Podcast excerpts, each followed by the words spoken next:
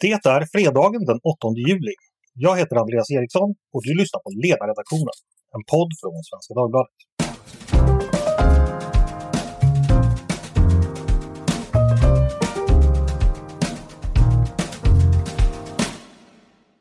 Varmt välkomna till oss denna fredag då det som vanligt blev dags för redaktionen att försöka summera veckans händelser och skapa mening i samtidens vilt framforsande flod.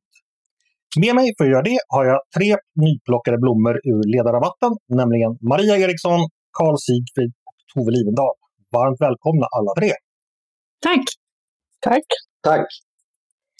Som ni hör har vi lite färskt blod i panelen. Jag tänkte kanske vi ska börja med att låta er, eh, Maria och Karl, bara ja, som nykomlingar, eller nygamla är, är ni ju, eh, bara kort presentera er lite. Eh, Maria, vem är du? Ja, jag är frilansskribent. Jag har varit på Svenskan i omgångar eh, sedan 2006 var första gången jag jobbade mm. där. Och sen skriver om allt möjligt, bland annat mycket om delningsekonomi, men allra mest kände jag ju för att jag försökte hyra ut min toalett. Hur gick det då? Nej, det gick dåligt. Det är, det är, en hemskt dålig affärsidé kan jag säga om någon vill försöka sig på det här. Men, ja. men däremot så fick det väldigt mycket uppmärksamhet, bland annat en interpellationsdebatt i riksdagen då min toalett nämndes. Intressant. Eh, ja, spännande. Vilka var för och vilka var emot? Ja, det var en moderat riksdagsledamot som ställde en fråga till eh, Magdalena Andersson när hon var finansminister och som undrade då hur ska man beskatta de här tjänsterna om någon försöker hyra ut sin toalett. Mm. Och det tog väl ungefär ett par veckor då efter att jag hade börjat att försöka hyra ut den tills frågan dök upp. Så det var ju snabbt mm. jobbat. Men av alla rum i bostaden tänker jag, eh, kanske inte toaletten det första man tänker på. Jag skulle tänka mig, det är nog det sista rummet jag skulle hyra ut kanske, rent av. Eller? Ja, jag har inte tänkt så olika rum. Alltså, normalt så brukar jag hyra ut sovrum då. Ja. Och, och källarförråd faktiskt. Ja, precis, för det kan man ju avstå. Toalett är ju svårare att avstå. Kanske. Ja, men alltså, man kan ju dela. Jag använder ju inte toaletten 24-7 liksom. okej, okay, okay. så det var, inte, det var inte den exklusiva rätten till toaletten du, du, du hyrde bort? Utan... Ah, du tänker så. Det hade varit intressant. Nej, nej, nej. Utan, utan tanken var att någon skulle kunna komma då, en turist kanske som är i Uppsala och tillfälligt behöver en toalett. Aha, okej. Då är jag med. Så kallad delningsekonomi. Precis. Eh, ja, som sagt, du har ju varit på Svenskan i omgångar sedan lång tid tillbaka, så jag tror säkert lyssnarna har bra koll på dig. Eh, ja, vad tänkt, tänkte du skriva om i sommar förresten? Ja, nej men, eh, det är ju spännande fortsatt såklart med delningsekonomi och gigekonomi tycker jag, hur arbetsmarknaden både blir kanske mer flexibel men borde bli det framförallt tycker jag. Men sen har jag ju intresserat mig lite för så här med skolfrågor. Det blir väl så, nu har jag barn själv och då tycker man det är intressant. Vad händer förskola, skola och eh, där jag tycker att det borde finnas större eh, valfrihet. Eh, inte minst hemskolning är väl en fråga som jag tycker är intressant och gärna skulle skriva någonting om. Mm, vi får se vad det blir av detta. Karl, du är också sagt ny gammal eh, bekantskap. Kan du bara berätta kort vad du gör annars och vem du är? Ja, precis. Jag har också varit på ledarsidan så där lite då och då under några års tid. Innan dess så var jag i partipolitiken eh, ganska länge. Det har jag lämnat bakom mig nu. Så nu nöjer jag mig med att tycka till om vad andra gör i politiken. Eh, men annars så doktorerar jag på universitetet nu i statistik. Mm -hmm, intressant. Det är ju, om man vill peka finger åt en moderat statsminister är ju en ledarsida ingen dålig plats att vara på. Tänker jag. Nej, nej precis. Då, då, då kan man inte bli anklagad för att skjuta inifrån. precis, inga skott kommer inifrån. Eh, mm. Tove, hur har du det?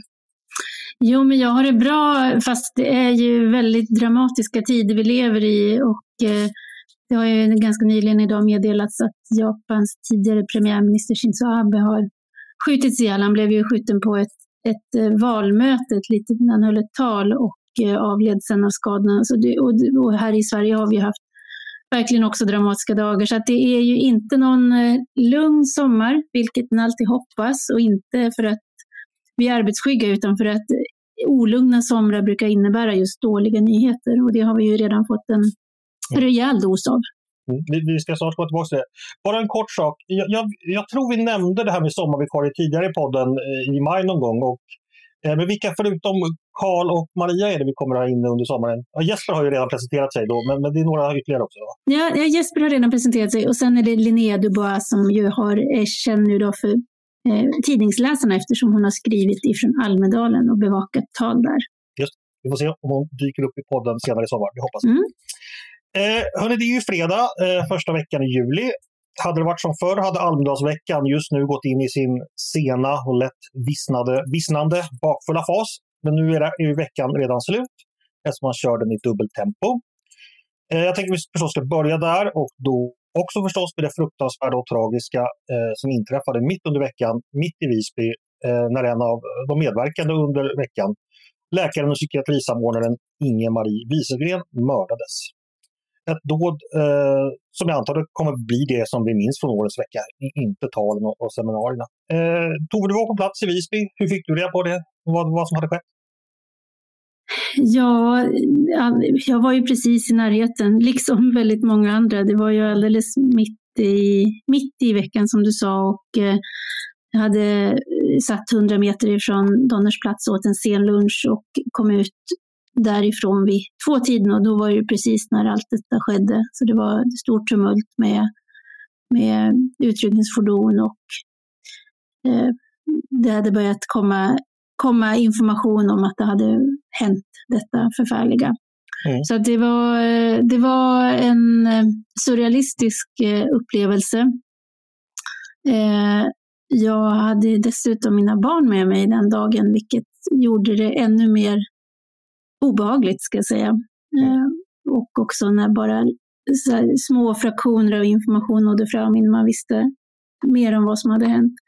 Och eh, sen var det också, vi promenerade då Hästgatsbacken upp och där var också sådär, det där när man vet vad som har hänt eh, och så kan man se på människors ansikten ifall de har fått nyheten eller inte. Och, en del är helt bekymmerslösa och ännu ovetskap om vad som har skett. Och det där är också väldigt det är svårt att förhålla sig till. Man eh, går både och brottas med sina egna känslor men försöker också liksom, ta in vad, vad betyder det, vad är det för någonting. Och, så det, det var en chockerande händelse och sen just att det hände under den här veckan som ju, där jag då bara några timmar tidigare hade suttit eh, 100 meter åt en annan riktning och talat med Magnus Ranstorp om, och just där vi hade just pratat om det här exceptionella som Almedalsveckan utgör och att det är den här öppna mötesplatsen som ju fler än, än vi då och då har funderat på att det här är ju väldigt sårbart också. Det är, det är en styrka i öppenheten, men den är ju också sårbar. Mm.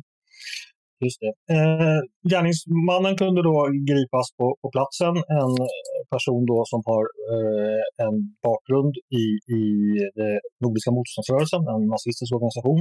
Och det har ju då skapats en diskussion kring detta förstås efteråt. Eh, Tove, du skrev ju i, också om just eh, reaktionerna efteråt och den diskussion som följer. Och så. Vad, vad finns det att säga om det? Vad, hur går dina tankar där?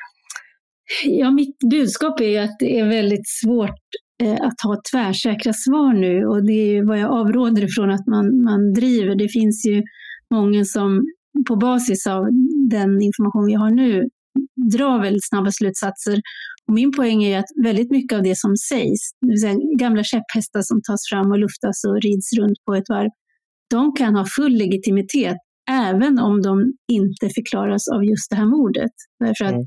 det har också framkommit att den här personen eh, tros, ha, tros lida av psykisk ohälsa eh, och har haft just den här personen som måltavla, som ju inte har egentligen då, det finns liksom inga inga, inga ariska dimensioner i den här frågan.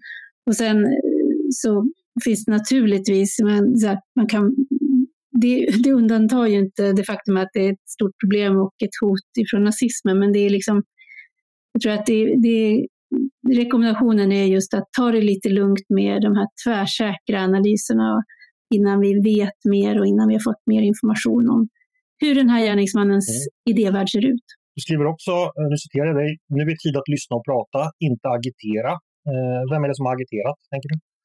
Ja, det är ju, jag gillar ju egentligen inte att peka ut namn, men det, utan det kan man, man, kan, man, kan, man kan surfa runt lite grann och så kan man se dels vilka som har fått uppdatera sina texter i takt med att eh, ny information har framkommit.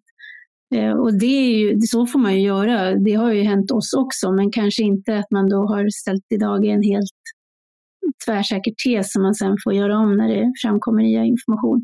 Och sen finns ju då den här liksom, det här med att det är en person som då har nazistisk koppling, en koppling till nazistiska miljön och har varit eh, verksam på olika sätt.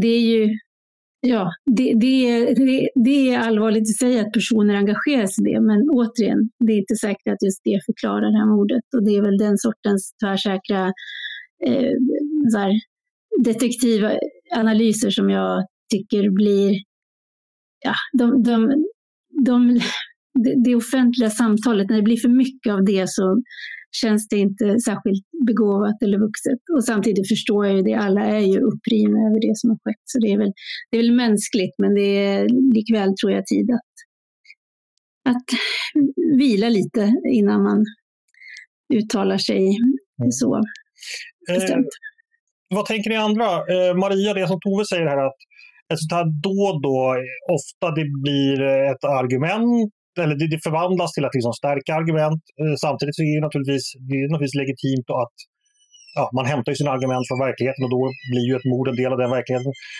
Vad tänker du om det som, som Tove beskriver kring hur diskussionen snabbt riskerar att hamna i ja, det hon kallar agitation? Nej, men det, var, det är väl lite som Tove är inne på med käpphästar, att det är ju lätt att man, man argumenterar utifrån det man i vanliga fall brukar hävda och så använder man det här som ett sätt att stryka under sin tidigare poäng. Liksom. Och det, eh, det är som du säger, visst det är en del av verkligheten men det kan ju kännas lite, lite mm, ja, snaskigt också ibland kanske när man använder sig av, av liksom, eh, sådana här händelser. Eh, mm. jag, jag vet inte. Mm.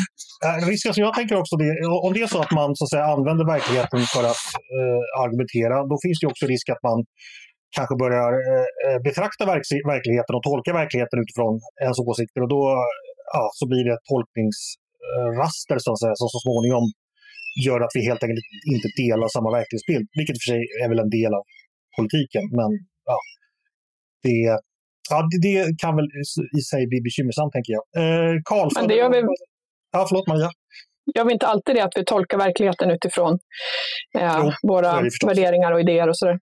Så är det förstås. Men det kan förstås gå olika långt, tänker jag, i, i vilken grad man är överens om grundläggande eh, fakta. Eh, Karl, eh, föder det här några tankar hos dig? Jag, jag tycker det ligger mycket i det som jag redan sagt. Så här, att det, det, det är väldigt vanligt att man i politiken man börjar i slutsatserna och sen så försöker man att, eh, så att säga, tolka in i verkligheten eller tolka ur verkligheten de, de fakta som stödjer det. Och det, det är något som går av bara farten och det kanske man ska vara lite extra försiktig med när det händer en sån här sak. Ehm, och, och, det, och, och som sagt inte vara för, för snabbt ute utan kanske eh, låta verkligheten så att säga, tala först och slutsatserna komma sen. Mm. Ni vet ju vad våra kritiker eh, tänker när de hör det här. De säger nu har Svenska Dagbladets ledarredaktion jättesvårt att fastslå att det här eh, var ett nazistdåd utfört av en nazist och vi vet ju hur den nazistiska vålds och hotmiljön ser ut. Hade det varit någon annan grupp som hade varit bakom då hade de varit mycket, mycket snabbare på hanarna. Det, det är bara när det så att säga inte stämmer deras egen analys, det är då man ska avvakta och vänta. Eh, Tove, tror du inte, de, tror inte många tänker så ifall de, när de hör oss nu?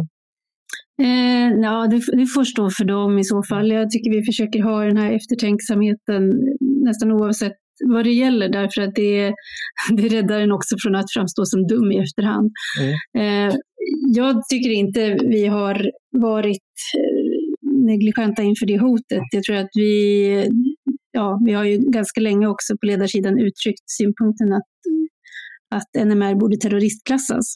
Mm. Eh, och det, är en, eh, det finns naturligtvis olika aspekter på det, men, men eftersom man då ändå ägnar sig åt verksamhet som kan ses som förberedelse för väpnade militanta aktioner så finns det skäl för att se över det. Och det skulle naturligtvis kanske möjligen då leda till en annan typ av bevakning på människor som hade koppling till det.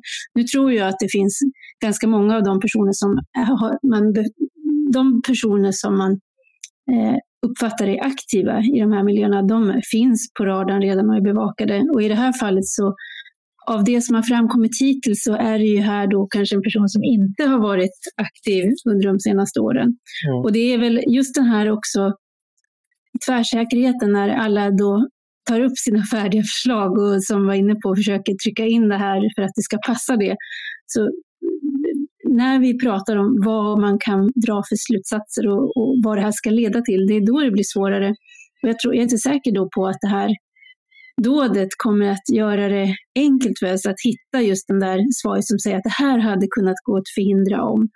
Eh, I så fall så är det kanske det som är just Ingmarie Wieselgrens eh, profession, nämligen den, liksom hur man jobbar med människor som lider av psykisk ohälsa. Det är kanske där svaret finns och det är ju som alla vet komplext, långsiktigt och verkligen mycket enklare sagt än gjort.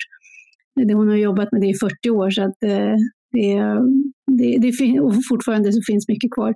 Men en av de frågor som har kommit, som, har, som jag sett, och det är liksom, hur kan en person som har en bakgrund i NMR gå runt med en kniv i Almedalen? Och svaret på det, den frågan är ju att vi har inte varit beredda att säga att 40 000 besökare ska kroppsvisiteras, man ska slå järnmurar runt, ja nu finns det ju en mur förvisso runt, runt Visby, men att man så säga, ska, ska befästa den med, med väktare och, och liksom ha inpassering. Eh, och det, det liksom när man följer de här eh, snabba tweetsen tillbaka och försöker fundera på hur skulle det se ut?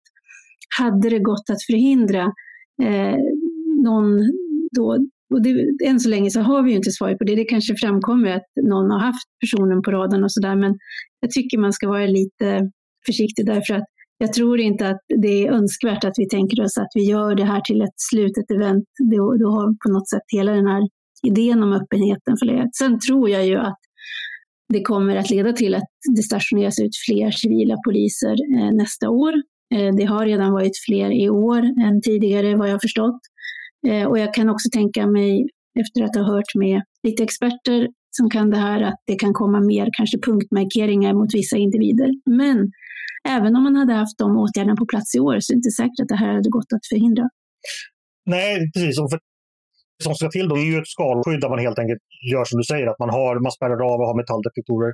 Som man exempelvis har gjort i Sveriges riksdag. Det var ju inte så många år sedan som man kunde gå rakt in där bland tjänstemän och politiker utan koll. Idag så måste man ju både legitimera sig och röntga baga eventuellt bagage och hälla ut vatten. Eller vad det, alltså det är som en flygplatskontroll. Uh, ja, har vår öppenhet blivit mindre av det? Ja, det får man ju säga. Men andra sidan har ju bedömts som nödvändigt att göra så också. Så det är kanske den vägen Almedalen går också. Vi får se. Eh, jag tänker vi gör så här att eh, i och med att vi inte vet så mycket mer om händelsen så lyder vi Toves kloka råd att vi inte rastar fler käpphästar kanske, utan ja, vi får återkomma kanske när vi, när vi vet mer. Och så går vi vidare. Vad tror ni om det? Låter bra. Så gör vi.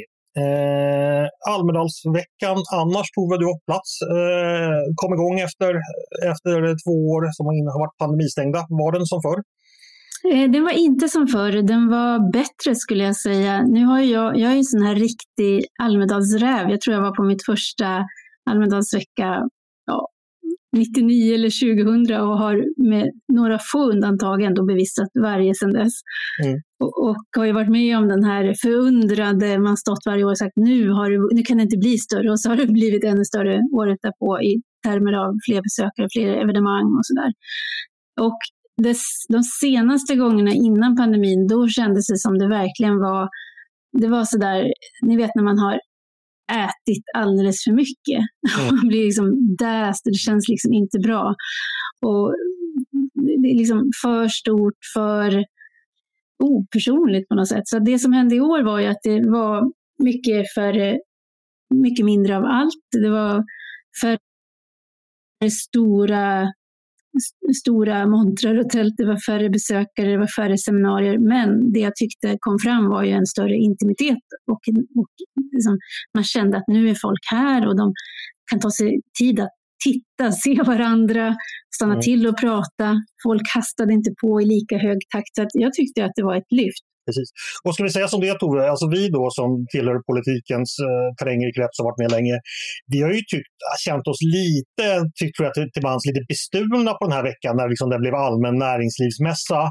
Alltså det var ju vår, såhär, vi är töntiga och, och, och, vi är nördiga och sådär, men det här var ändå vår vecka då vi fick stå i, i solen. Men till och med det skulle liksom det fina folket ta ifrån oss och ordna massa fester och ha fina montrar och allt sådär. Så det är liksom den här politiknörderiet som kännetecknade Almedalsveckan under 00-talet var ju borta i alla fall. Det upplevde jag i alla fall sista, senaste gången jag besökte 2019. Det, hade ju blivit något allmänt spektakel. Så det, Ja, för, alltså, mig låter det lite hoppingivande det du säger.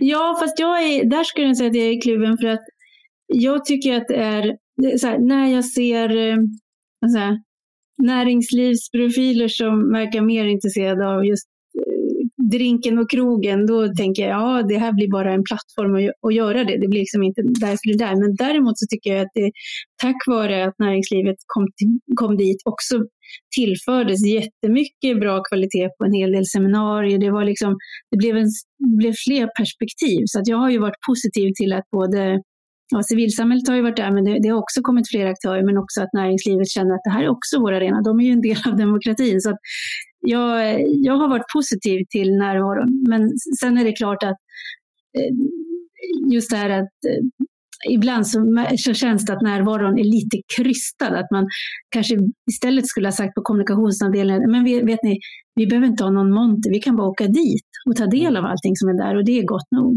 Det är vad jag tror att många har gjort nu, att man har sett över också, därför att kostnaderna för det här har ju rakat iväg på sina håll. Det, har ju, det är många som har svurit eh, över vad upplevda ockerpriser, både från Region Gotland och från privata näringsidkare eller gotlänningar. Det har ju, marknadspriset för olika saker den här veckan har ju skjutit i höjden. Och det har nog gjort att många också nu tog tillfället i akt att verkligen se över vad får vi för return on investment som det heter. Vad fan får jag för pengarna? Ja, uttryckt på bättre svenska. Eh, Maria, du har ju, varit, eh, har ju skrivit en del om Almedalstalen och också antar jag följt veckan på så att säga, i nyhetsströmmen. Eh, vad tar du med dig från den här veckan? Eh, jag, jag, har faktiskt inte följt veckan så där mycket för att jag tycker ändå att eh, behållningen brukar vara de här samtalen som liksom sker när man går runt där i Visby. Och, och det är ju tråkigt för, för alla som inte får vara med på det. Då. Men annars så är det klart att det är jättemånga intressanta seminarier men de känns ju ofta som att de skulle inte behöva vara just, just Visby. De, de kan ju hållas online eller, eller i Stockholm eller var som helst. Men, men, så därför är jag liksom ja, jag vet inte. Men jag har ju lyssnat på en del tal då istället och, och för de, liksom folk i gemen så är det väl ändå de politiska talen som är Almedalsveckan. Ja, jag lyssnar på Jimmy Åkesson bland annat och jag tycker ofta att eh, politiker idag då målar upp en sådär otroligt mörk bild av det svenska samhället. Eh, och det är klart att det blev ju lite konstigt kanske att och sen kommentera det och sen precis när det då händer eh, det här mordet som vi just pratade om, för att då, då kan man ju tänka att då får man lite vatten på sin kvarn, då, de som menar att Sverige är otryggt och så, även om det är kanske en annan typ av eh, motivbild här. Men, men jag, jag tycker liksom man måste ändå kunna hålla lite två tankar i huvudet samtidigt. Att det är klart att det finns allvarliga problem med eh, kriminalitet och eh, skjutningar och vad det kan vara. Men, men när det liksom låter som att det här är hela Sverige, liksom det, det, det blir liksom som att eh, det är det enda perspektivet som kommer fram. Eh, och då tror jag att det blir en, en missvisande bild ändå. Mm. Men det är klart, det är svårt för, eller svårt, men jag, menar, jag förstår ju att liksom, politiker i olika färger vill få fram en dyster bild för att sen kunna lova att man ska lösa problemen. Karl, eh, du då, du som också har eh, lyssnat på lite tal och, och skrivit om dem. Vad, vad är dina tankar om, från veckans politik? Jag tänker att det, det tal som jag nog eh, minns bäst, trots att det var det första talet, det var ju Magdalena Anderssons tal här. Det, det var en sån eh, väldigt tydlig omsvängning, inte av politiken men av retoriken, hur, hur de uttrycker sig och vem de vänder sig till. Alltså det, det var inte alls det här eh, mångfald, öppenhet och så vidare som man brukade höra från Stefan Löfven, utan det var eh, mycket ordning och reda. Det var väldigt mycket Sverige och, och Sverige var bättre för det, det temat. Det påminde mycket om eh, det här talet som Ebba Busch höll för ett antal år sedan som blev uppmärksammat för att det framstod som så väldigt patriotiskt. Mm. Eh, så att de, de har eh, eh, verkligen, ja, nej, nej, det, det är verkligen skillnad mellan Magdalena Andersson och hennes eh, företrädare märker man. Jag tror man kommer se det både på sakpolitiken och retoriken framöver. Mm, mycket intressant. Tove, han du lyssna på tal mellan eh, rosévinsdrinkarna? det var inga rosévinsdrinkar för mig, men eh, lyssnade lite grann och lite efterhand. Men sen hade jag ju Eh, vi hade lite eh, fördelat arbetet den här veckan så att eh, det var minst på min lott att lyssna på talen. Men eh, nej, de var ju, det är ju valrörelse, det är väldigt tydligt. Och det ju, var ju inga liksom, stora nya nyheter. Det var liksom, hur, hur äggar man sina egna? Det är det man, tar, man håller ju tal för sina egna som har kommit dit och för att få känslan av jubel och, och klang. Sen blev det ju så att Centerpartiet och Miljöpartiet, de dämpades ju. De fick ju skriva om sina tal på grund av den här tragiska händelsen. Och eh, det märktes ju, för annars skulle man ha tänkt sig att de båda har behov av att bli ännu mer vad ska jag säga, konfrontatoriska och liksom måla upp tydliga konfliktlinjer än vad jag tror att de kände att de kunde göra i det där läget. Mm. De behöver elda massorna, helt enkelt. Ja, det behöver de. För att använda ett av mina favorituttryck. Ja. En annan kommentar man kan eh, ha det är väl att eh, det nya formatet här, även om det var trivsamt för de som var där, och jag hörde väldigt många som också uppskattande gick och kände att det här var, det här var bra, det var trevligt och det var en fin stämning och sådär. Eh, så var det bra för de som var där, men jag tror att det, det nya formatet är, är också väldigt behagligt för oss som varit vana att gå där och dra i åtta dagar och sen liksom lätt hålögda från den fjärde dagen och framåt. Men jag tror att det var sämre för näringen på Gotland. Mm. Därför att eh, när det har varit en hel vecka, då har ju också många tagit sig möjligheten att kanske åka ut och utflykta ett par dagar och sådär. Man, man flyr Visby för att ta del av annat som finns på Gotland och det har man tror jag, i mindre utsträckning gjort nu. Jag har hört det från näringsidkare ute på, utanför Visby att de har inte alls haft de besök som de har räknat med. Så att jag tror att det har blivit mer in and out snarare än att man kunnat tagit del av hela Gotland. Så det blir väl något att fundera på. Och jag har också förstått att arrangörerna håller på att just fundera över olika koncept och om man ska lägga veckan på andra dagar eller annan tid i, i, liksom, i, i sommaren. Så, där. så vi får väl se vad det blir. Vi får se hur det blir. Det blir spännande är det i alla fall. Eh, jag tänkte vi ska gå vidare och eh, lägga årets Almedalsvecka till handlingarna. Eh, jag tänkte vända mig till dig, Karl. Eh, jag vet att du har funderat lite kring det här med partier och väljare. Eh, det har varit mycket prat om att man ska låna ut sina röster till höger och vänster. Och vilka väljare det är som de olika partierna riktar in sig på, det, det skiljer sig. Eh, ja, i, I stort, vad, vad är det du tänker kring detta?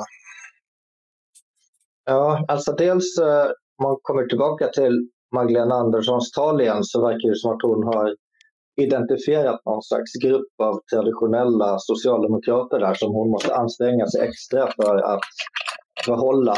Eh, de här som kanske inte är så ideologiskt eh, intresserade nödvändigtvis utan mest eh, kanske intresserade av bra löner och att eh, tågen ska gå tid och så vidare. Och mm.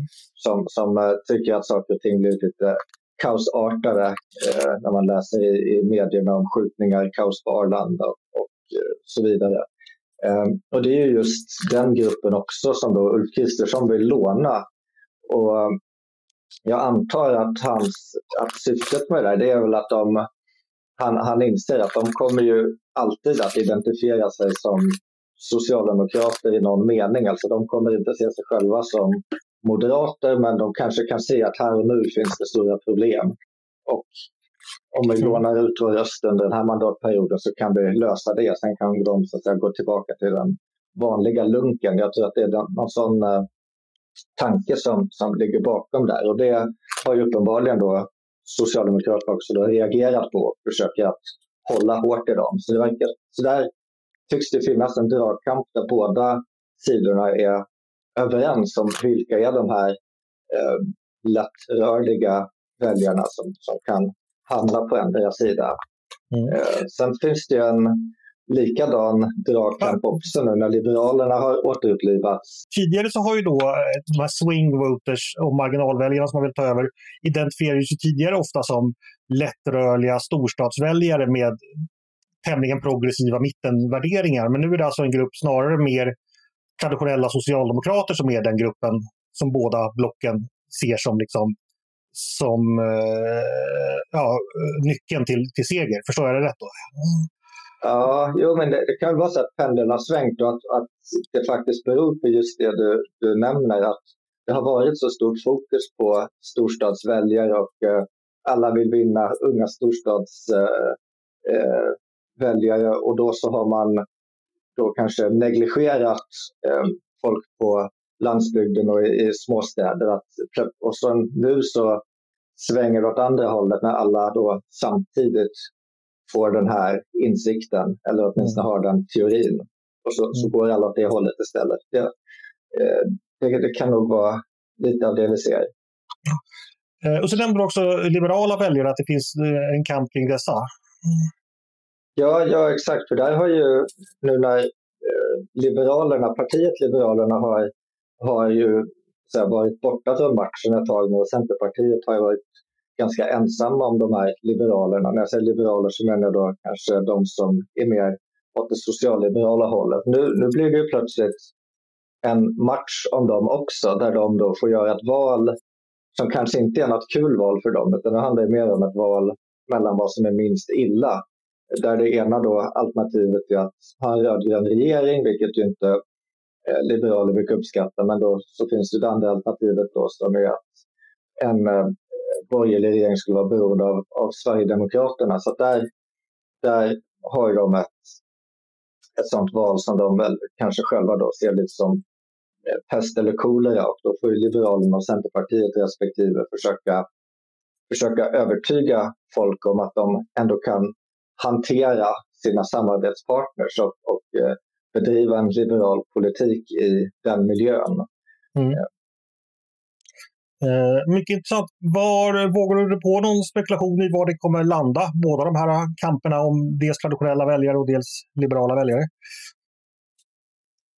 Eh, jag tror att eh, eh alltså man kollar på, på de liberala väljarna så, så eh, kan, kan det nog finnas en, en viss, eh, viss överströmning till Liberalerna i och med att eh, om, om inte Liberalerna hade varit ett alternativ, ja, då hade alternativet varit att man kunde gå till Moderaterna, det är ett lite längre steg. Man kunde gå till Kristdemokraterna, det är ett väldigt långt steg för de som ser sig som socialliberal. Och Sverigedemokraterna är ju inte ett alternativ i de sammanhangen. Så, så på det sättet så, så har ju åtminstone borgerligheten ökat sina chanser då att kanske vinna, vinna en del sympatier över från, från Centerpartiet och därmed då från den rödgröna Eh, gruppen.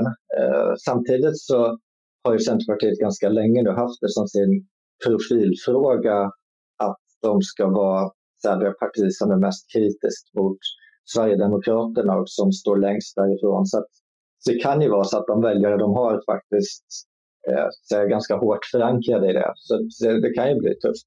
I så fall kan det ju snarare bli så kanske att Liberalerna får sina väljare från Moderaterna i första hand och att det då inte påverkar så mycket eh, att säga, i regeringsfrågan. Mm. Eh, mycket intressant Karl. Vad, vad, tänker ni andra? Maria, vad säger du om Karls analyser? Två, två väljarstrider som, som, som står just nu. Eh, har han rätt?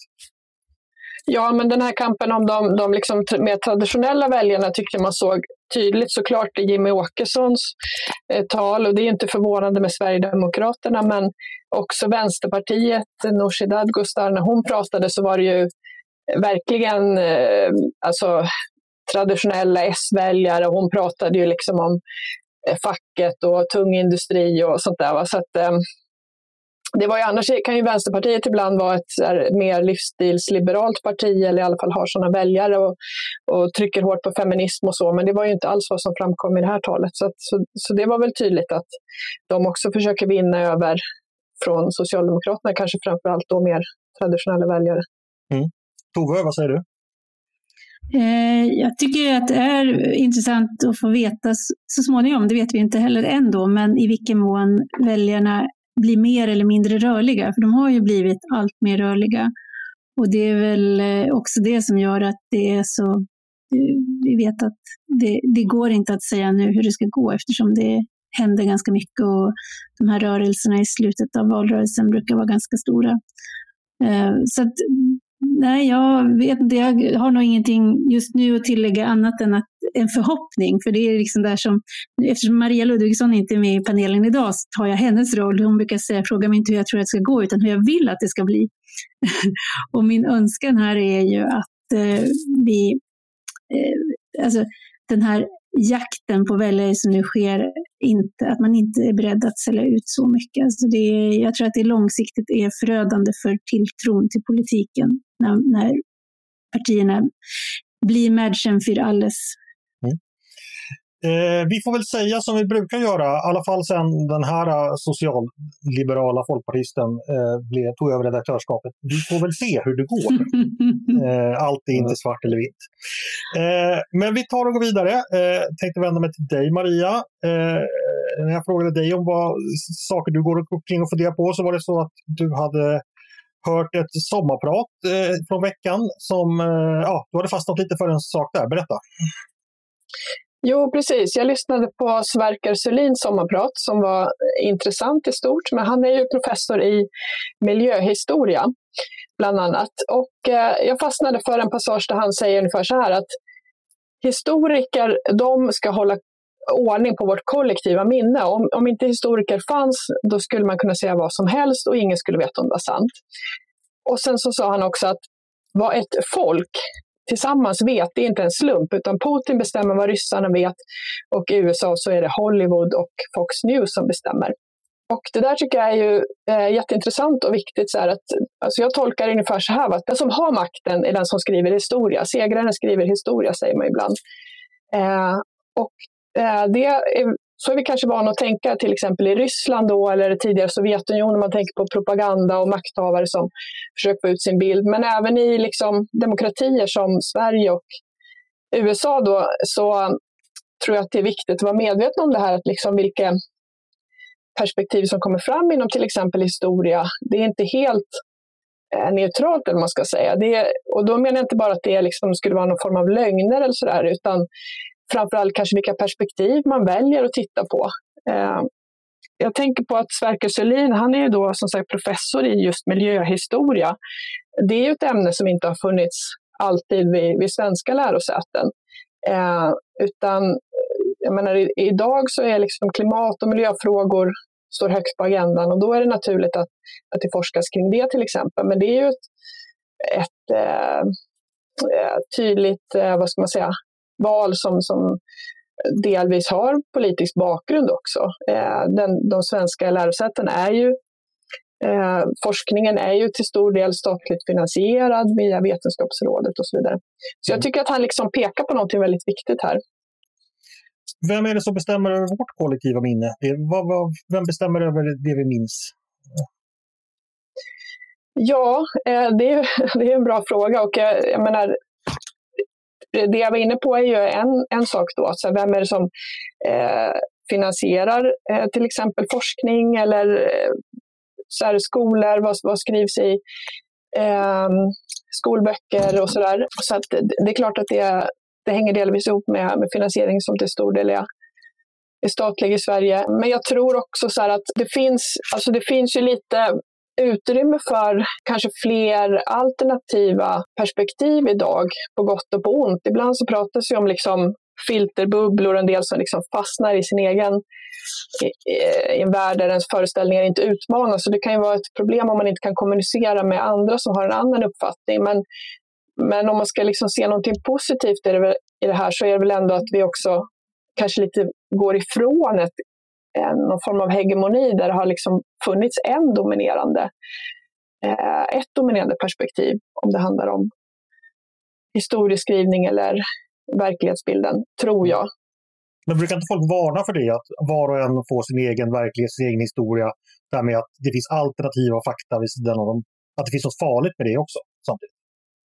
Vad tänker du om det? Jo visst, eh, alltså det, det kan ju vara problematiskt tror jag. Och, eh, eh jag kan ju verkligen rekommendera en bok som har skrivits av Peter Pomerantsev som är eh, brittisk journalist men, men född i Sovjetunionen. Och han har skrivit en bok som heter Nothing is true and everything is possible. Där han pekar på just de problemen i, i till exempel då Ryssland där det finns mycket propaganda och till slut så, så liksom, har, har många ryska medborgare en idé att liksom, ingenting sant, vi kan inte lita på någonting, så vad som helst kan vara möjligt. Och det är ju såklart eh, en möjlig konsekvens då att, att folk blir helt uppgivna. Det är ingen idé att ens försöka ta reda på sanningen, så att säga. Mm. Eh, så visst finns det risker med det där, men eh, om man skulle ändå försöka göra någonting positivt av det så är det väl då att säga att ja, men även eh, liksom, maktens perspektiv måste kunna utmanas. Eh, sen får man väl liksom se till att ta vara på den möjligheten då. Det kanske eh, är upp till, till oss alla på något sätt. Mm. Vi som opinionsjournalister, vi är ju en, en, liten del i alla fall det här är att bygga ett kollektivt minne. Jag menar, det vi skriver det blir tillägg som någon så småningom kanske om fem år kollar, eller tio år, hur, hur tänkte man om den och den frågan då? Så går man tillbaka och läser Maria Eriksson, så du är ju själv en del i att skapa ett kollektivt minne. Eh, har, har, du några reflektioner kring det? Ja, men förhoppningsvis så kan jag ju då bidra med något perspektiv som, som inte alla andra gör, utan det är väl det, är väl det positiva i sådana fall, om, om det kan bli olika pusselbitar som kan bidra med, med olika bilder. Så att säga. Mm. Jag tänkte också på det här med när man försöker liksom sortera ut då, eh, ur historien. Det är ganska mycket diskussion om det, då, olika eh, konstverk som man ska ta bort för att de inte passar in i, i, i dagens eh, värderingar eller man ska eh, redigera böcker och sånt där. Och, och, det är klart att det är ju också eh, problematiskt då när man försöker ta bort någonting som faktiskt är en del av historien och som det vore bättre att förhålla sig till istället för att bara sudda ut. Liksom. Eh, men återigen, om vi liksom ska göra någonting positivt av det här så är det väl möjligen då att, att ta upp en diskussion om att jo, men det är ju ändå så att vi har olika värderingar i olika tider och det behöver man vara medveten om att vi alla liksom eh, kanske är en del av tidsandan och att det är någon som bestämmer vilka eh, motiv som, eh, vilka tavlor som ska sitta i riksdagen eller, eller vad det nu kan vara. Att ändå föra en diskussion kring det tycker jag skulle vara viktigt. Mm. Tove, vad tänker du? Historieskrivningen, det är ju en delvis en politisk verksamhet som man ägnar sig åt, att man omtolkar det förflutna för att det bättre ska passa ens världsbild här idag och även påverka framtiden. Eh, som opinionsjournalister så deltar vi väl i den processen också, eller hur tänker du? Eh, ja, vi deltar och är medskapare, men behöver ju också, tycker jag, då ha den här eh, oppositionella blicken, eller kritiska blicken för att se när ja, ha, ha diskussionen i realtid om vad det är som försiggår när historieskrivning görs. Och inte minst när vi pratade om det här med det här med nationalromantiken och nationalismen, så att synen på det egna landet till exempel och nationen, det är ju ständigt föremål för en politisk omtolkning. Vad är vi? Var kommer vi ifrån? Och där har ju den, det, det finns en historieskrivning som varit väldigt populär under lång, lång tid för partier från alla eh, schatteringar. Det är liksom att tala om, man, man startar Sverige när det var liksom armt och fattigt. Och sen talar man om den här fantastiska tillväxten, hur vi arbetade oss till modernisering och jämlikhet och jämställdhet, allt detta. Men vi, vi, vi, så vi börjar liksom där, vi börjar inte i stormaktstiden, för det passar liksom inte ihop med, med, med, med den berättelse vi vill ge. Och den sortens utsnitt ur historien och det sättet att lägga till rätta en bild som passar ens egna syften. Det gör ju alla, men jag tror att där har ju vi som, eh, i den roll vi har, vi har ett extra ansvar att vara vaksamma inför det och kanske förklara vad det är som sker när det sker så att vi hjälp, på det sättet kan hjälpa eh, medborgarna att, att se det som sägs från olika håll. Mm. Just. Har ni tänkt på en sak? Eh, P1 Dokumentär har ju snart gjort ett ämne eller ett program om enda nyhetshändelse från efter 1970 skulle jag säga. Eh, och har ju jättehöga tittarsiffror. Eh, eller lyssnarsiffror. Tänk vilken viktig del av historieskrivningen. För att då blir man intresserad av ett ämne, det första go-to-stället är ju ofta att lyssna på en P1-dokumentär om saken. Och den ger ju ofta, verkar ju ofta vara ganska komplett och här får man hela historien och sen kommer man omkring och tror att ja, men då har man koll på det. Liksom. Och jag undrar hur många svenskar som har hämtat sin syn på liksom, samtiden från Peter Dokumentär. jag lägger ingen värdering i det, men jag bara undrar, har ni reflekterat över det? Att, vilken roll media verkligen kan spela då för, för, för, en, för väldigt, väldigt många människor? Jo, men det, kan, det gör den ju, men så är det ju också med enskilda eh, röster. Det kan ju vara ledarskribenter likväl som politiska journalister eller andra kommentatorer. kan ju få enormt, eh, här, i kraft av att de är uppskattade och sådär, så blir ju deras sätt att förhålla sig till historien väldigt det får, kan få väldigt stort genomslag. Mm. Och jag vet ju när jag själv har suttit då, för många år sedan, men när jag var partiaktiv, så kunde man ju faktiskt då som sådan ibland ägna lite tid åt att försöka ibland ändå kontakta någon politisk journalist som man tyckte att det här har du fått helt om bakfoten. Du har köpt bara den ena sidans story och det blir problematiskt av förståelsen för det här partiet och vad det handlar om, eller också då för historieskrivningen av vad som hänt. Så att där finns ju alltid en, en enorm makt hos de personer som, vi, som har inflytande. Mm, Men och jag, jag, tänker på en sak också där. Jag har inte lyssnat på alla P1-dokumentärer så jag kan inte uttala mig om dem, men jag tycker eh, lite som jag var inne på förr, att för, för, det är lätt att säga så här, jaha, men är, är det här en rättvisande bild eller inte? Och det är, ju, det är ju en sak, men en annan sak är också så här, vad är det som tas med eller inte? Alltså vilka perspektiv mm. får vara med eller inte? Och det tycker jag är, är någonting som man väldigt ofta glömmer bort. Eh, inte bara när det gäller historieskrivning, utan bland annat också att eh, så här, ja, vilka ämnen tar man upp, vilka händelser tar man upp och så vidare. Eh, och det, det säger kanske också väldigt mycket om eh, vilken syn man har på världen och så. Ehm, och så ofta kan det liksom, det kan, det kan vara där tror jag man missar ehm, om man vill få en, få en mer liksom, helhetsbild ofta, att eh, det kan bli, eh, handla mer om urvalet så att säga än vad som faktiskt sägs. tror jag. Mm. Och det är därför det är så bra tycker jag att när det då ifrån historikers sida kommer fram att man skriver fler historier. Ja, men stormaktstiden så beskriver man då kanske inte bara det som hände i den politiska makten och eh, hur, hur liksom olika aktörer där spelade mot varandra och huvudpersonerna som då ofta var, oftare var män än kvinnor. Utan att du också kompletterade det, så här, men vad hände i byarna, vad hände i städerna, vad hände i familjen, vad hände liksom med så produktionssätten, vilken roll hade kvinnorna? Allt detta blir ju då, som jag tror någon använde uttrycket tidigare, pusselbitar för förståelsen. Och det står inte i motsats till det vi känner tidigare, utan det gör bara bilden mer levande. Så jag tror att det där är ju, det, det, ska vi bara uppmuntra att det kommer fler. Men just det där när det då tippar över att man säger att nu är det dags att ta bort det här. nu ska vi inte ha några män eller nu ska vi då gör man ju sig bara idiot. Mm. Det ska sägas att just historikerna, det är ju en, en grupp som har, de, de, är förstås väl medvetna om det här problemet och de har ju utvecklat utmärkta verktyg för när det handlar om källvärdering och hur man ska bedöma det förflutna.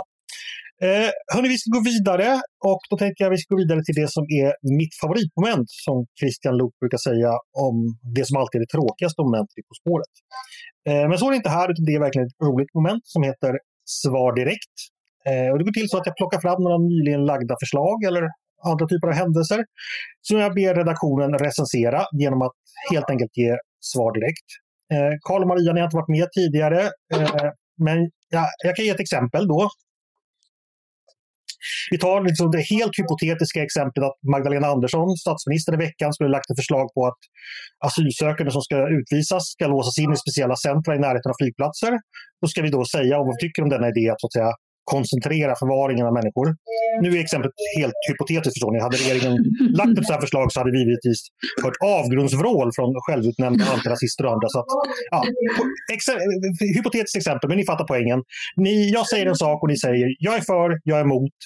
Man kan också få säga jag vet inte riktigt, men då får man låga betyg i svar direkt. För här gäller det att tycka hellre än att kunna motivera sig. Är ni med? Ja. Yes. Härligt. Eh, Partierna till höger vill skapa förutsättningar för att bygga ut kärnkraften. Bland annat genom att erbjuda ett statligt investeringsstöd för kärnkraft. Särskilda gröna kreditgarantier till ett värde av 400 miljarder kronor. Vilket gör, är alltså mycket mer eh, fördelaktigt än dagens kreditgarantier. Vad tycker vi om detta? Är vi för eller emot? Jag vill ha svar direkt. Ja, jag är för med en liten reservation. Och Maria? Ja, jag är emot dem med en liten reservation. Ja, eh, då, då får Karl börja med att plädera för. Varför är det här bra? Ja, självklart så går det ju emot äh, ryggmärgsinstinkten för, för alla som tror på fria marknader och så vidare. Men, men någonstans får man kanske konstatera att äh, det inte är någon fri marknad utan det är olika äh, skatter och så vidare som redan förvrider konkurrensen mellan olika energislag. Så att åtminstone som någon slags övergångslösning så, så kan det vara vettigt kanske att kompensera lite då i, i andra riktningen. Okay. Ja, tack, tack, tack, för det. Eh, Maria, varför är du emot? Ja, men av ungefär samma skäl som Karl är för. Att eh, elproduktionen är ju extremt reglerad och det vore ju bättre att försöka eh, avreglera den, då, även om det kanske är att hoppas på för mycket. Mm, Okej. Okay. Eh, Tove, chefen, vad säger du? Ja, men jag, det, vi, vi använder samma argument och landar i lite olika svar, men det är precis så. Det är ju, en, eh, det är ju inte en riktig marknad och det vore bättre om den blev det. Och det är möjligt att man då eh, i stegen mot att få en mer riktig marknad skulle kunna eh, laborera med något sånt. Och det är väl också, just nu är väl också verkligheten sådan att vi har Ja, vi kommer att få det ordentligt tufft om vi inte får fram mer energi väldigt snart. Men eh, det är ju, och, vi har ju också då subventionerat andra energislag ganska rejält. Så att det är, boten här är, är inte, inte bra, men eh, jag, jag, jag, tror, jag tror faktiskt att vi är överens. Det brukar ju vara min uppgift att försöka hitta någon sån linje, men här tyckte jag inte det var särskilt svårt. Okay. Eh, först kommer alltså att vara varm om fötterna på vintern, dan kom das moral, som någon sa. Hörni, vi går vidare. Kristdemokraterna i Stockholm vill efter dansk förebild göra det möjligt att utdöma vistelseförbud i vissa områden eh, för sexual och våldsbrottslingar. Stureplan, Gamla stan, Medborgarplatsen och City kan komma i fråga för sådant vistelseförbud enligt kristdemokraten Erik Slottner. Motivet är att göra nattlivet tryggare. Eh, vad tycker vi om detta? Är vi för eller emot? Jag vill ha svar direkt. Emot. Ja, jag är emot. Eh, ja, jag är emot. Jag förstår vad jag vill åstadkomma, men eh, tror inte att detta är en bra väg. Okay. Eh, Maria, nu får du börja. Vad, vad ser du som tyngst vägande skäl emot? Ja, jag har inte funderat mycket på det här, men det, till att börja med lät det ganska godtyckligt valt tyckte jag, de här platserna. Men, men eh, det, det känns som att det där kommer skapa mycket gränsdragningsproblematik och vad, vilka områden och var och vem och ja, jag vet inte. Mm. Eh, Tove eller Karl, någon som vill komplettera? Men jag tänker att det finns, alltså det här handlar ju om liksom, kringskära rörelsefrihet för att göra potentiella offer, eller redan liksom skadade offer, tryggare. Och då tänker jag på de här liksom elektroniska fotbojorna som ju kan utdömas på personer som man anser behöver det. Och då tänker jag att det kanske är en, en, ett rimligare sätt, för att det är ändå så att vi måste utgå ifrån det handlar ju ändå om personer som har begått brott. Vi kan inte liksom tänka oss att kringskära rörelsefriheten för människor som inte har det, utan som, som, som vi potentiellt tror skulle kunna begå dem. Så att jag tror att då är det väl bättre att, att använda de verktyg vi har. Mm, okay. Men är det här personer som har avtjänat sitt straff? För att då är ju det en aspekt också att väga in.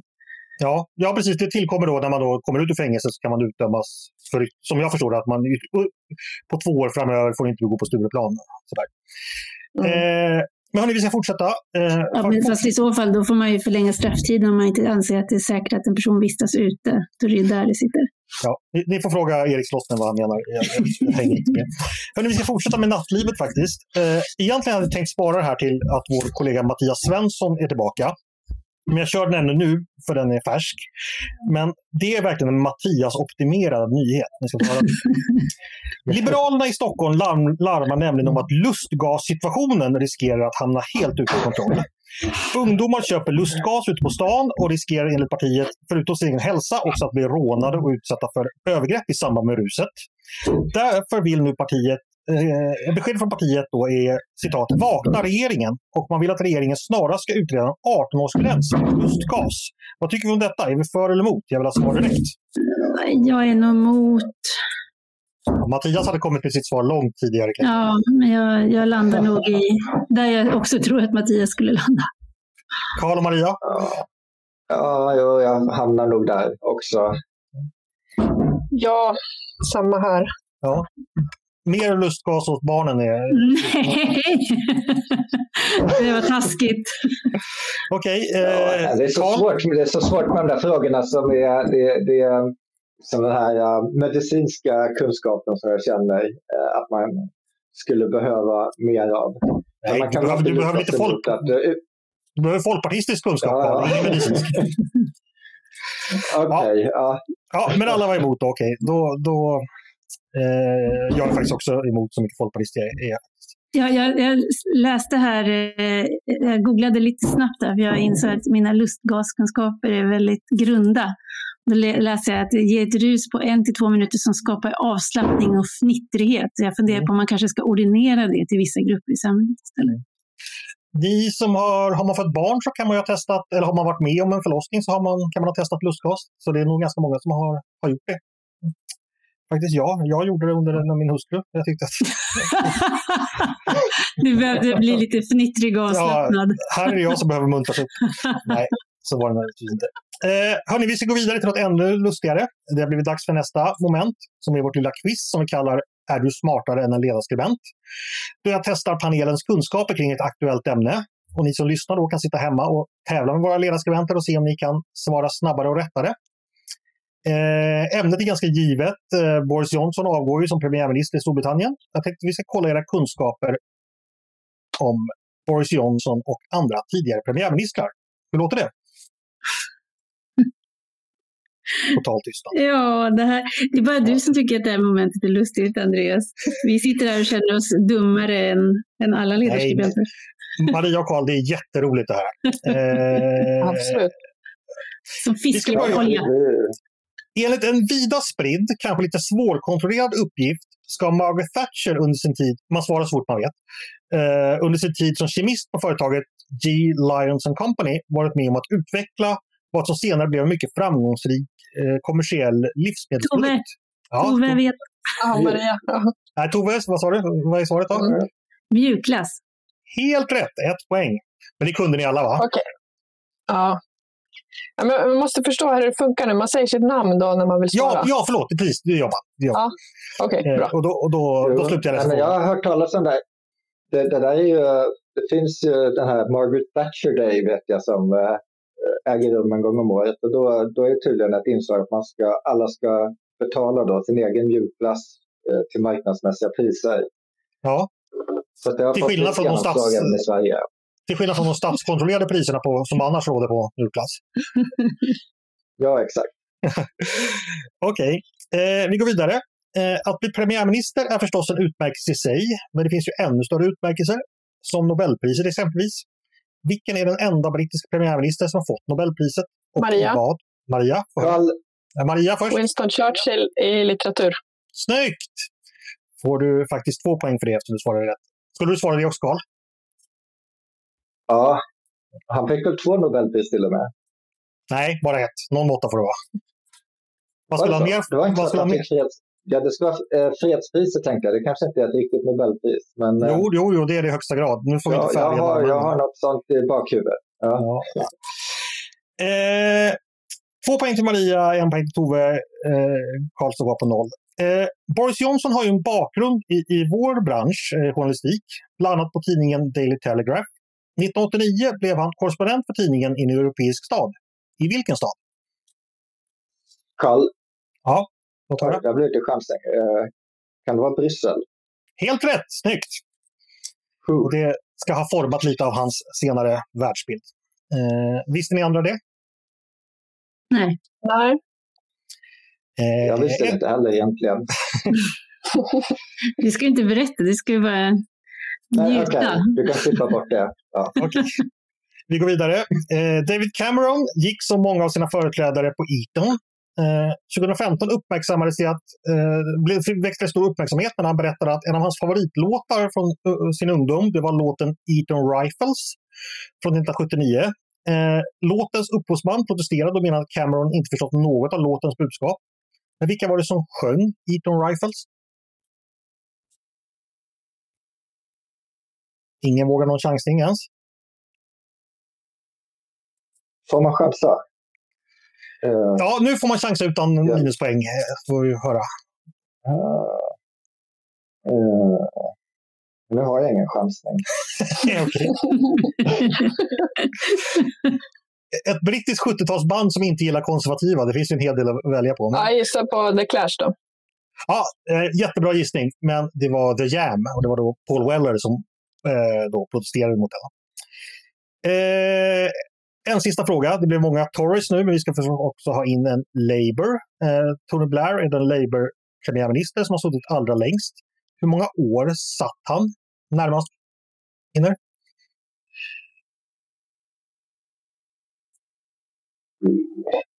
Jag har ingen aning, så jag chansar på 17 år.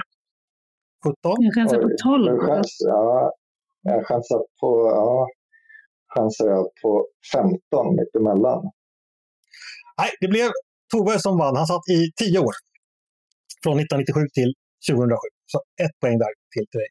Det blev en delad seger mellan chefen och sommarvikarien. Det var väl trevligt. Eh, Maria och Tove. Och Karl, du får hämta krafterna till nästa vecka. ja, jag ska vila ut. Ja. Eh, hörni, vi ska avsluta med vår rundfråga. Eh, då jag ställer en helt spontan fråga till er och ni svarar lika spontant. Eh, det är ju semestertider för många.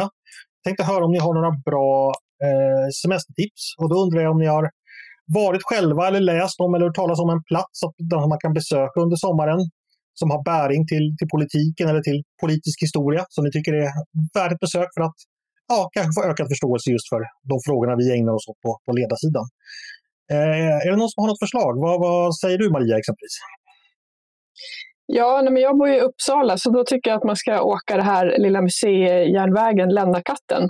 Mm -hmm. För att det, det är väldigt trevligt, lite tåg och sen så går de där tågen alldeles utmärkt i tid. Ja, okej. Okay. Det, det var ju en viss politisk väg. Ja. ja, exakt. Jag tänker det. Absolut. Äh, och det, det, är ingen risk att man går av tåget och vill invadera Polen eller något sånt där direkt efteråt? Brukar det vara så om man åker tåg? Äh, om de kommer i tid så, så är det ju risk att man, man kan... Ja, ja, ja, du förstår. Ja, jag, jag förstår. Nej, precis. Nej, men det, det är tvärtom. Det är väldigt gemytligt alltså. Det, är ju, det finns ju både rälsbussar och ångtåg och sånt där. Det är väldigt roligt tycker jag. Jag åkte förra sommaren för att de har ju en tidtabell då. Då avgår tåget låt oss säga 13.42 från Marielund och så vidare. Och, mm. och det är ju ingen som åker på det där tåget som egentligen liksom ska någonstans. Det är inga pendlare som blir arga om det kommer för sent eller någonting, men ändå så är de otroligt noga med att hålla tidtabellen. Mm. Eh, och det, men är det, det inte så här ånglok? Jo, det finns både ånglok och rälsbussar eh, okay. och kanske något mer alternativ. För jag tänkte det är också en så framtidsvision av vart vi är på väg om vi inte får fram mer kärnkraft kanske. ja, ja, precis. Jag såg nu i, i, i Visby här så rullar det runt eh, häst och vagn faktiskt och det är utsänt av Region Gotland. Det är istället för någon slags liten lastbil eller pickup så har man hästvagn i sommar för att när, man, när parkförvaltningen är ute och liksom vittjar papperskorgar och plockar skräp och sånt där så står det hållbar skötsel på den och så ligger ett spår av hästbajs efter den. Jag tänker det också. ja, det finns mycket, mycket symbolik där som jag inte riktigt har benat ut än. Ja, verkligen. Ja. Jag, jag, tänker på alla nyliberalers stora favoritbok eh, Atlas Shrugged av Anne Grant som jag antar att ni har läst. Ett av liksom de slut lite spoiler här, ni får hålla för öronen ni som vill ha en nyliberal eh, läsupplevelse framför er. Då. Men i en av slutscenerna då så är det oerhört dramatiskt när det här stora järnvägen som går mitt över USA inte kan gå längre utan tåget stannar helt enkelt för att världen har gått under i socialism och ondska. Och eh, då kommer det en vagnkaravan åkande och en av huvudpersonerna får se detta och det är den mest fasansfulla syn han kan tänka sig, liksom, att mänskligheten har fått gå tillbaka till att köra häst och vagn igen. Och det, det skulle ju förstås vara, vara fasansfullt om vi skulle behöva det, men det, ja, det, det, är faktiskt en stark scen i boken som man, man kan läsa. Eh, ja, vi ska gå vidare. Vad eh, säger du Karl? Har du något, något tips? Ja, alltså, om man är i Stockholm och inte Uppsala då så kan man ta en Vaxholmsbåt ut till Siaröfortet. Och det är en rätt bra sommaraktivitet. Det är en gammal eh, försvarsbunker ute i skärgården som byggdes i början av 1900-talet, runt första världskriget där. Sen så mm. kom den aldrig till, till användning riktigt utan eh, den, eh, det blev eh, väldigt fuktigt och så där inne så att de, de kunde inte bo där, eh, de värnpliktiga. Eh, men man kan få guidade turer. Jag har för mig att när jag var där att det var någon sån här ljudguide som man kan gå runt med själv och, och lära sig lite mer om den tiden. Mm. Fantastiskt. Jag kan säga då, nu kan jag förlägga programmet på ungefär två timmar genom att prata Stockholms kustartilleris historia. Men bara kort så finns det ju massor med spår ute just i Stockholms skärgård, men även på andra håll runt om, där just det här fasta eh, kustvärn på olika sätt finns bevarat. Eh, inte minst på den ö där jag själv befinner mig, där vi har då, som heter Landsort, som ligger i Stockholms södra skärgård. Där det finns eh, ett det enda bevarade så kallade Ersta batteri, som var då eh, förkortning står ersättning tungt artilleri som är då man går ner sju våningar under, eh, under klippan så ligger liksom ett eh, nedsänkt eh, artilleripjäs där det ja, sysselsattes då, tror jag, 50 man ungefär. Och det skulle kunna klara sig utan både ström och vatten utifrån och väggar som, och dörrar som klarar både elektromagnetiska pulser och även kärnvapen på, påstås Jag vet inte om det är sant. Men den kan man åka ut till lands och besöka. Så, jättebra förslag av, av dig, Karl. Eh, Sen kan man förstås också åka till Vaxholms fästning om man vill se ännu äldre kustförsvar. Och ni vet ju att det sägs att den bitske tyske fältmarskalken Molke, han skrattade bara två gånger i sitt liv. Ena gången var när hans svärmor dog och den andra var när han fick se Vaxholms fästning. Då, då skrattade även denna allvarsman. Mm. Ja, okej. Okay. Eh, Tove, slut, slutligen, vad eh, vill du tipsa om? Eh, ja, jag befinner mig på Gotland då, mitt andra hem och eh, var förra sommaren och gjorde en utflykt ut till Östergarnsholm. Och eh, det är en eh, liten fin eh, plats eh, öster om Gotland, eller som till, ligger i östra, östra Gotland. Och det är då ett ställe där eh, det finns en liten fin badgrotta kan man säga. Där eh, tog, sökte man skydd när eh, man blev beskjuten, när SMS Albatross blev beskjuten av Ryssland, eh, när ryska flottan besköt den. Eh, och eh, så fyrvaktspersonalen fick gå ner där i buckhulet som det heter. Eh, och det är ju en... Det, det, nu är det ju, om man är på Gotland så är ju inte hotet ifrån öster, det är ju det är inte någonting som bara är historia, utan det man är liksom levt i medvetande med det, men nu kanske ännu mer så är det, är det aktuellt. Jag skulle också säga att med tanke på det som sker i Ukraina nu, så ja, vad som helst kan man göra utflykter till som är en del av det svenska kulturarvet, museer och allt man har i sin närhet, därför att vi har lyxen att de inte blir beskjutna av bomber just nu. Och där museipersonalen måste gömma undan skatter. Så jag tycker verkligen vi som har möjligheten ska ta tillfälle, så fort det dyker upp kanske en lite mindre solig dag som anmodar strandläge, att ta del av det vi har. Mm. Den uppmaningen tycker jag, tror jag vi alla, alla eh, håller med om. Ja, det var dagens program hörni. Tack för att ni ville komma och prata med mig. Tack så du Andreas. Ja, ja tack själv. tack för att jag fick vara med. Ja, men självklart. Vad, vad kul att ha lite nytt friskt blod här. Så man, eh, annars är det ju bara liksom Mattias och Peter och jag som sitter och pratar om VM-laget 1974 med varandra. Så det var jättekul att ha er här. Eh, och jättekul förstås att alla ni som har lyssnat har lyssnat också på Ledarredaktionen, en podd från Svenska Dagbladet. Hör jättegärna av er till oss på redaktionen med tankar och synpunkter på det vi precis diskuterat. Eller om ni har idéer och förslag på saker vi ska ta upp i framtiden. Maila då bara till ledarsidan snabla svd.se. Dagens producent, han heter Jesper Sandström. Jag heter Andreas Eriksson och jag hoppas att vi hörs igen snart.